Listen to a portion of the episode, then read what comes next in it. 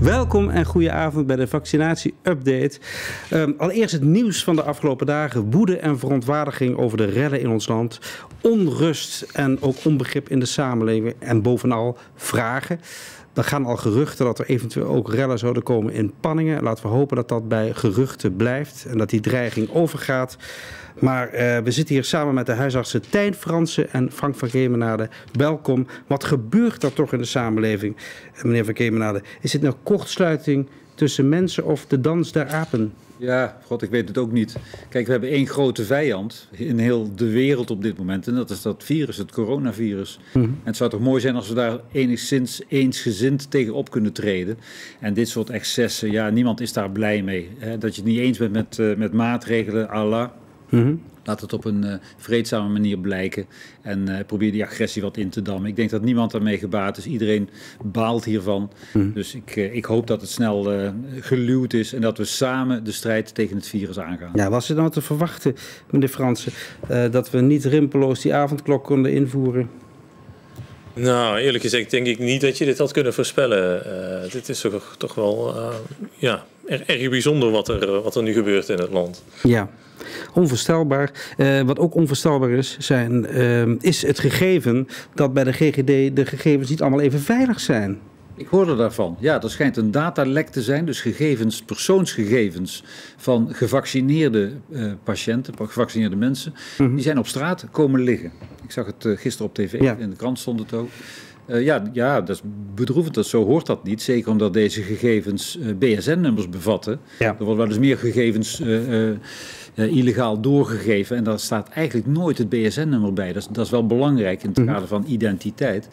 Dus uh, ja, bedroevend. Er wordt onderzoek naar ingesteld, uiteraard. Het lijkt erop, hoorde ik gisteren in ieder geval, dat er een paar personen binnen het grote GGD-bolwerk zitten die, uh, die het met, met dat soort zaken niet zo nauw hebben genomen. Dat, mm -hmm. Nou, we wachten af, maar het ja. heeft alle aandacht, dus ik hoop dat snel is opgelost niet bepaald bevorderlijk voor de vaccinatiebereidheid, denk ik dan. Ik denk dat die vaccinatiebereidheid onver, onverminderd heel hoog blijft. Uh, het is eigenlijk een heugelijke dag vandaag, want vandaag zijn we begonnen met het vaccineren van de 90-plussers. Ja. Die zijn naar, uh, voor zover ze mobiel zijn in ieder geval, naar uh, Blerik getogen om daar de vaccinatie te krijgen. Wij hebben ze van tevoren opgebeld en gevraagd: uh, God, gezien je leeftijd, uh, wil je gevaccineerd worden? Allemaal ja. Uh, ben je in staat om naar Blerik te gaan? En bijna allemaal een volmondig ja. Men, men zoekt familiekennissen op die een auto hebben, die ze er naartoe brengen om zo snel mogelijk gevaccineerd te worden. Want de 90-plussers die niet mobiel zijn, moeten eventjes wachten tot de mm. mobiele teams ze thuis komen vaccineren. En dat kan nog heel even duren. Ja. Dus nou ja, wat dat betreft, onder de 90-plussers een enorme vaccinatiebereidheid. Oké, okay. uh, het is nog meer heugelijk nieuws, want huisartsen worden, worden vanaf donderdag gevaccineerd, meneer Fransen, als gevolg van het zuinig prikken tot nu toe. Ja, het blijkt dat er een aantal vaccins uh, over zijn gebleven in andere regio's. We zouden eigenlijk wat later uh, gevaccineerd worden in uh, Limburg. Maar ja, er waren vaccins nog beschikbaar. En ja, dat, dat heeft gemaakt dat we dan vanaf deze week ja. al gevaccineerd gaan worden. Ja. Ja, genoeg uh, nieuws uh, in de samenleving en we volgen het hier bij Omroep PNM op de voet. Dus als er ontwikkelingen zijn uh, in Panningen of ergens anders in deze omgeving, dan uh, zal PNM daar verslag van doen. Maar wij gaan, en dat is ook hoog tijd nu, voor naar de vragen van dinsdag 26 januari. En dat zijn hele praktische vragen, hè? Uh, met wellicht eenduidige antwoorden. Sommige dingen die in de wereld gebeuren, kunnen we geen eenduidige antwoorden op geven, maar hier wel op, hè, meneer, meneer Vergeer? De meeste vragen wel. Ik, ik zie ze met spanning tegemoet. Oké, okay, de eerste vraag.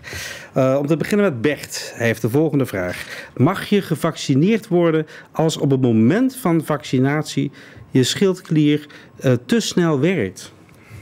Ja, het is soms wel interessant om te weten wat, wat de vraag achter de vraag is. Dus ik, ik weet niet precies waar die vraag uh, vandaan uh, komt. Maar, maar goed, als je kijkt naar een te snel werkende schildklier, hè, dan, ja, dan is er medisch gezien geen reden om te denken dat dan het vaccin minder goed werkt. Nee. En er is ook veel onderzoek gedaan hè, naar, naar de vaccins bij grote groepen mensen. En schildklieraandoeningen, dat, ja, dat komt toch veel, toch veel voor. Ja. Uh, dus de mensen met schildklieraandoeningen, ja, die zijn wel meegenomen in, uh, in de onderzoeken. En daar zijn in ieder geval ook geen, uh, geen onverwachte dingen of, of, schadelijke dingen gezien. En het blijkt dus wel, wel te werken ook bij mensen met schildklieren. Oké. Okay. Ja. Dan Guus uit Balo, die maakt zich zorgen over zijn echtgenote. Want zij krijgt doorgaans de griepprik in verband met schouderklachten. Niet in de bovenarmen, maar in de bovenbeelspier. En ze, hij vraagt zich af, zou dit bij het coronavaccin ook op deze wijze kunnen?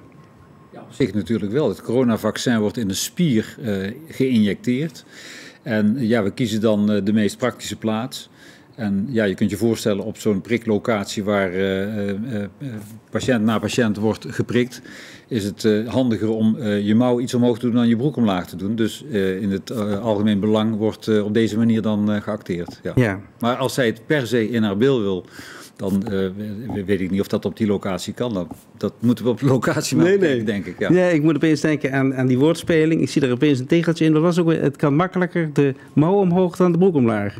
Oh, dat weet ik niet. Ik ken, ik ken die wijsheid nee, nee. niet. maar die heeft u net gezegd zelf. Oh, oh het is een oh, tegeltjeswijsheid zelf. Ja, ja, nee. Ja, ja. Het is bevorderd tot tegeltjeswijsheid. Nee, prima. Ik, uh, ik zal hem inbijtelen. Ja. Mag ik er nog iets aan toevoegen? Want het is, ja, tuurlijk. Het is niet de bil die de voorkeur heeft als tweede locatie, maar uh, de, uh, het bovenbeen is het. De zijkant van, van het bovenbeen. Oké. Nee, nee, dat, dat, klopt. Nee, je hebt ontzettend gelijk. Maar deze mevrouw wilde hem per se in de bil. Ja, precies. Als... Begreep ik, hè? Toch? Ja, ja, ja. ja, ja. in de bil. Ja. ja, weet je, ja. Ik kan me niet voorstellen dat dat dan ook niet werkt. Maar eh, in de bijsluiter staat uh, ja. de het bovenbeen. Ik denk dat Guus uh, wel een antwoord heeft voor zijn vrouw. Voordat we nog meer in de thuis... de omvang van de bil en kan dan meer bepalen of dit uh, ter, ter zake doen is of niet. Denk ik. Ja, ja, ja. ja. Dat, daar hebben we geen foto's van. Moet iemand die gevaccineerd is en in nauw contact is geweest met iemand die corona heeft, eveneens in quarantaine? Dat vraagt uh, Twan uit Koningslust, maar ook Freek Horst. Dus deze vraag is meerdere keren binnengekomen. Moet hij in quarantaine? Uh, ja, de, uh, vooralsnog wel, uh, inderdaad. Het, is een vaccin wat, wat grotendeels beschermt, hè, maar niet volledig. Mm -hmm. en en ja, we weten eigenlijk niet in welke mate eh, dat je er dan, dan vanuit kunt gaan, vooralsnog, hè, of dat je dan beschermd eh, bent. En ja, we, we zitten nog steeds in, in, in, de situatie dat er veel corona om ons heen uh, is ook. Hè, dus we moeten er alles aan doen om dat, uh, dat, dat in te dammen. En mm -hmm. vooralsnog is het advies zeker om dan ook in, in quarantaine te blijven. Dus dat verandert voorlopig nog niet. Nee. Dan uh, Anne uit Echel. Nu het coronavirus lijkt te muteren, werkt het vaccin dan nog wel afdoende? Dat is een goede vraag. Uh, kijk, het, het, het aantal, het aantal um, mutanten, het aantal soorten virussen. Het virus muteert continu, hè, dat weten we. En dat aantal van die mutanten, van die veranderde virussen, neemt alleen maar toe. Dat is heel normaal. Mm Zo'n virus, ja, daar zijn er op een gegeven moment een heleboel broertjes en zusjes van, om het zo maar eens te zeggen.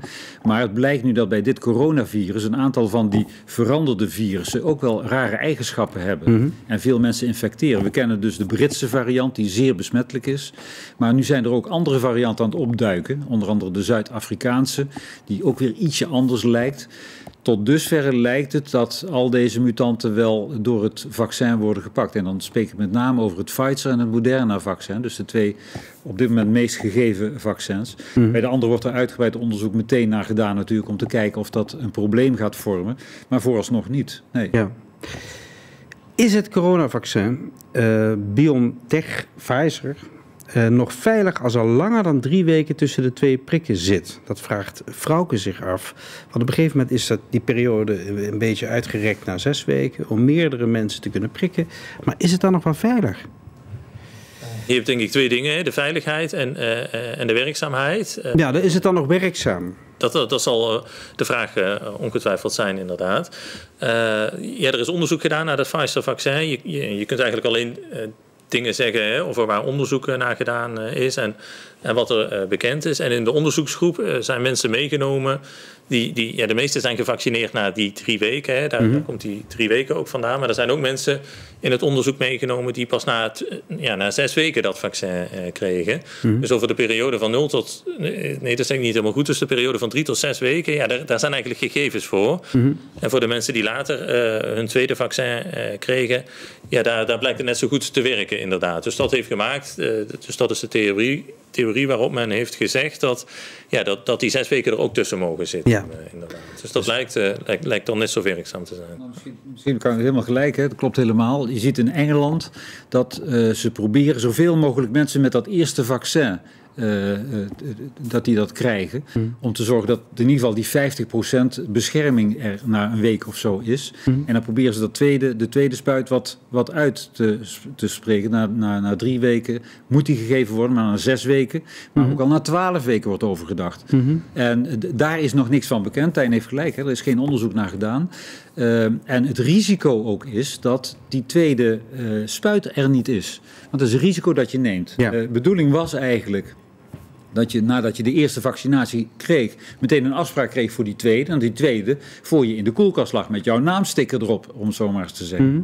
Maar uh, als je dat principe verlaat en zegt: luister, die miljoen vaccins die we hebben, daar doen we niet 500.000, dus de helft mee vaccineren en geven twee prikken. Maar doen we er een miljoen mee vaccineren. En dan mhm. kijken we wel of die andere miljoen spuiten over een week of drie, vier, vijf binnen is. Dan loop je het risico dat dat niet het geval is. En dat risico uh, is nogal groot, want het blijkt nu dat de, de levering van de vaccins nogal eens een keer eh, te wensen overlaat. Dus mhm. men neemt een risico door dat langer uit te spreiden. Ja, maar moeten kijkers zich nou druk maken dan? Nee, vooralsnog niet. Ik denk, op dit moment hebben we nog drie weken hier. Hè? Zes, zes, weken was sprake van. Ik weet niet wat de status daarvan op dit moment is. Maar volgens mij iedereen die nu wordt ingepland, die krijgt nog na drie weken een, eh, een vervolgvaccin. Ja, en er zijn er mensen die hebben natuurlijk vragen gesteld via Omroep PNM. Uh, maar er zullen ook mensen zijn die regelmatig bij jullie uh, op de praktijk vragen stellen. En kunt u daar een paar vragen van terug laten ja, Ik had er een paar meegenomen. Ik moet even kijken natuurlijk. Een van de vragen was, ik ben positief getest op corona. Ik heb wel klachten. Mag ik dan gevaccineerd worden? Jij stelt ja, ja, ik, ja, ik, ik, neem het ja, we maken van, uh, ja, ik, als, ik, als ik mag Jij denken, mag ook een antwoord geven. Ik, mag, ik denk van niet. Ik denk dat je niet getest mag worden als je positief... Nee, gevaccineerd. Of gevaccineerd mag worden als je positief getest bent. Klopt dat? Nee, dat klopt inderdaad. Dat klopt. Dus je mag niet als je positief bent naar, uh, naar de priklocatie uh, nee, precies. toe. En het is ook zo hè, dat, dat vier, je mag pas het vaccin, tenminste zo wordt het geadviseerd, vier weken nadat vastgesteld is dat je corona hebt. Ja. Ja. Oké, de eerste dus vraag. je had hem goed. Het is een boddenshot quiz dit. Tweede vraag. Uh, de vorige was dus positief getest. Ik heb wel klachten. Stel dat je positief bent getest, maar je hebt geen klachten. Mag je dan gevaccineerd worden? Ik ga weer denken dat dat niet mag. Want? Uh, omdat je dan uh, toch anderen zou kunnen besmetten. Ja, en, en vooral ook omdat uh, het advies is in ieder geval vier weken ertussen te laten zitten. Tussen de positieve uh, testen en uh, het moment dat je gevaccineerd wordt. Omdat dat heeft eigenlijk met de bijwerkingen okay. te maken. Dus, dus stel dat je, dat je klachten krijgt na de vaccinatie. Ja. En het is te kort op de coronabesmetting. Ja, dan is het de vraag van komt dat door de coronabesmetting of, of heeft dat met het vaccin te maken? Ja. En, en we willen heel graag weten in ieder geval dat blijven we monitoren, hè, wat, uh, wat de veiligheid is van de vaccins. Ja. Ja, dus daar willen we geen verwarring over hebben. Nee, precies. Nog een vraag, meneer Verkeermenaar? Ja, zeker. Nou, dit is iemand die heeft corona gehad. Stel, ik heb corona gehad, mag en moet ik mij toch laten vaccineren dan? Dus je hebt corona gehad, moet je dan toch een vaccinatie gaan halen en mag dat ook? Ja, ik denk van wel, meneer Fransen. Het advies is dat wel uh, te doen, uh, inderdaad. Uh, er zijn nog niet heel veel gegevens over bekend. Hè, van als je, stel dat je corona gehad hebt, hè, dan heb je wel antistoffen, dus dat biedt wel enige bescherming. Maar voor hoe lang dat is en, of dat overeenkomt bijvoorbeeld met de bescherming die zo'n vaccin biedt, dat weten we niet. dus daarom is het advies wel te vaccineren. En dat is ook veilig, daar is ook, ook, ook, ook ja. naar gekeken inderdaad. Ja om de kans zo groot mogelijk te maken dat je, uh, ja. dat je immuun bent. Ja. Ik heb nog, nog wel een actuele vraag. Okay. Toevallig in de praktijk van de week een aantal keren tegengekomen. Mensen die al uh, corona gehad hebben in een wat vroeger stadium en klachten blijven houden. Die blijven lang klachten van smaakverlies, moeheid en dergelijke houden. Nou, stel dat je corona hebt gehad, maar nog steeds niet klachtenvrij bent, vermoeidheid, hoest, et cetera, mag je dan toch gevaccineerd worden? Echt chronische klachten. Ja, dat kan heel lang duren natuurlijk. Exact. Maar mag je dan toch gevaccineerd worden? Want je hebt wel klachten. Ja, maar geef zelf het antwoord maar. Nou ja, mensen die langdurig klachten hebben, uh, die kunnen veilig gevaccineerd worden vier weken na het begin van de symptomen, hetzelfde verhaal eigenlijk die vier weken nog steeds. En bij een verslechtering van je gezondheidstoestand tussendoor, dan moet je wel even contact opnemen. Geldt überhaupt, als je je ziek voelt, koorts hebt, dan uh, is het raadzaam eerst met de huisarts even contact op te nemen. Maar in principe kunnen deze patiënten zeker wel gevaccineerd worden. Ja, de 90-plussers die worden gevaccineerd. Hè? Uh, degene die, dat, uh, die dan niet naar de locatie kunnen gaan, voor degenen die thuis zijn nu, op ja. dit moment, hoe werkt dat? Worden, krijgen die een brief? Ja, ja Die krijgen een, een, een uitnodiging wanneer de vaccins beschikbaar zijn, want dat is steeds de bottleneck. En die krijgen een uitnodiging en met een tijdslot erbij. Dus er wordt contact opgenomen. Kijk, de, de, organisatie daarvan, van het thuisprikken, dat vergt nogal wat. Dat is niet net zoals de griepprik, van binnenkomen, mouw omhoog, prik erin en wegwezen. Nee. Maar uh, je moet een kwartier lang uh, bij de patiënt blijven om eventuele bijwerkingen te kunnen behandelen. Ja. als je met een grote groep bent in zo'n grote zaal als in Blerik, is dat op zich niet zo'n probleem. Dan word je geprikt. Dan ga je keurig in de wachtruimte zitten, er is toezicht en na een kwartier ga je naar huis. Maar bij mensen thuis, als je daar met een mobiel team komt, moet het team een kwartier wachten en kan dan naar de volgende gaan. Dus je kunt maar heel weinig mensen per dag eigenlijk prikken.